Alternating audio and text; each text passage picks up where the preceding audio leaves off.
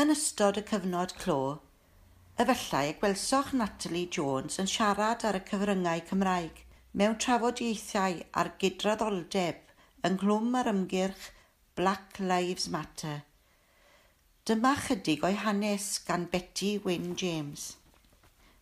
Cafodd ei geni yn Birmingham yn 1976 i rieni o Jamaica a ddaeth i fyw ym Mrydain fel rhan o'r genhedlaeth Windrush. Treuliodd Natalie ei blynyddoedd cynnar yn y ddinas honno cyn i'w mam gwrdd a phriodi Cymro. Symudodd y teulu i gyd i Ogledd Cymru gan setlo mwll heli pan oedd Natalie yn naw mlwydd oed. Erbyn iddyn nhw symud, roedd y teulu wedi tyfu gyda genedigaeth dwy ferch arall. Gweithiodd ei thad fel garddwr a'i mam yn wraig tŷ. Cartref y teulu oedd fflat cyngor ger y traeth ac erbyn i Natalie adael cartref i fyw yn ei fflat ei hun, cafodd ei mam ei phlentyn olaf, hogyn bach ar ôl pedair merch. Pan yn pedair y ddeg oed, cafodd Natalie waith rhan amser yn Woolworths a siopau bach eraill ym Mwllheli a gweithio yno am wyth mlynedd. Wedi pasio ei ffrawf gyrru, cafodd swydd fel asiad gwerthu tai, cyn symud ymlaen i weithio ei gwmni gwerthu cartrefi gwyliau. Yn ystod y cyfnod hwn, cymerodd ran yn y gyfres dyledu Cymru Ddi a siarad ar Radio Cymru, ynghyd a chwarae gêm gyda Hywel Jones ynglyn â phrisiau tai lleol. Wedi cyfarfod a phriodi Kerry Jones o St Clair, symudodd i fyw i'r de a chael dau fab. Gadawodd y sector gwerthu a chael swydd gyda chwmni meddygol a roddodd gyfle i ddiweithio gyda pheirianwyr, seigiatryddion a llawfeddygon dros Brydain, Boston, Efrog Newydd, Toronto, Vienna a Munich. Ar yr un pryd gwnaeth radd BSc mewn seicoleg.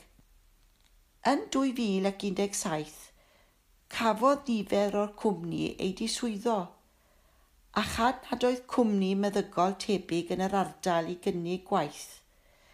Aeth Natalie yn ôl i'r brifysgol i astudio am radd meistr yn seicoleg glinigol gan wirfyddoli i'r elusen stroc a gweithio rhan amser i'r elusen The Queen's Hall yn Arberth a teaching personnel sy'n darparu athrawon cyflenwi wrth ddilyn ei chwrs. Ar ôl i arbenigwyr ganfod fod cancer y bron arni, fe wnaeth Natalie arafu a chael swydd fel mentor cywyddiad a dysgu mewn ysgol uwchradd yn Sir Benfro, lle cafodd gyfle gyflwyno gweithgareddau cyllid a hanes di i ddosbarthiadau.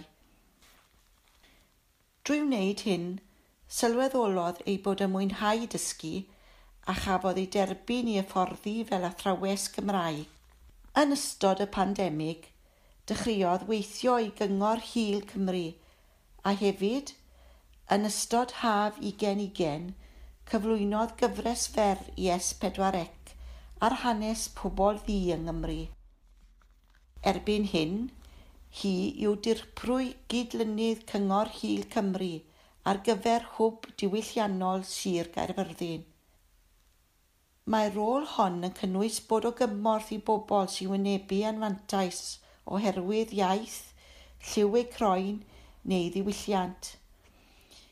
Hefyd, Mae'n gweithio ar ffyrdd i ddod â phobl at ei gilydd i ddysgu a mwynhau ei gwahaniaethau a'i tebygrwydd. Mae ei gwaith hefyd yn cynnwys rhoi cyngor i fudiadau sy'n edrych am ffyrdd i wella mewn amrywiaeth ac yn cyfeirio pobl at wybodaeth am fudiadau sy'n gallu eu helpu a rhoi cyfleoedd iddynt. Yn y rôl hon, Mae wedi cael cyfle i siarad ar heno, yr Ysteddfod Amgen, Pawb a'i farn, Y Byd yn ei le, y ffilm Black and Welsh ac ar Radio Cymru.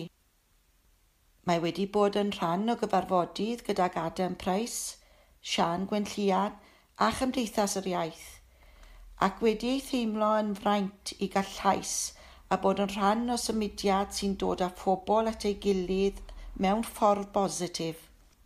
Yn ogystal â chymwyso fel athrawes, uchelgais Natalie yw bod yn rhywun sy'n helpu a magu hyder y mobol eraill, yn enwedig pobl ifanc.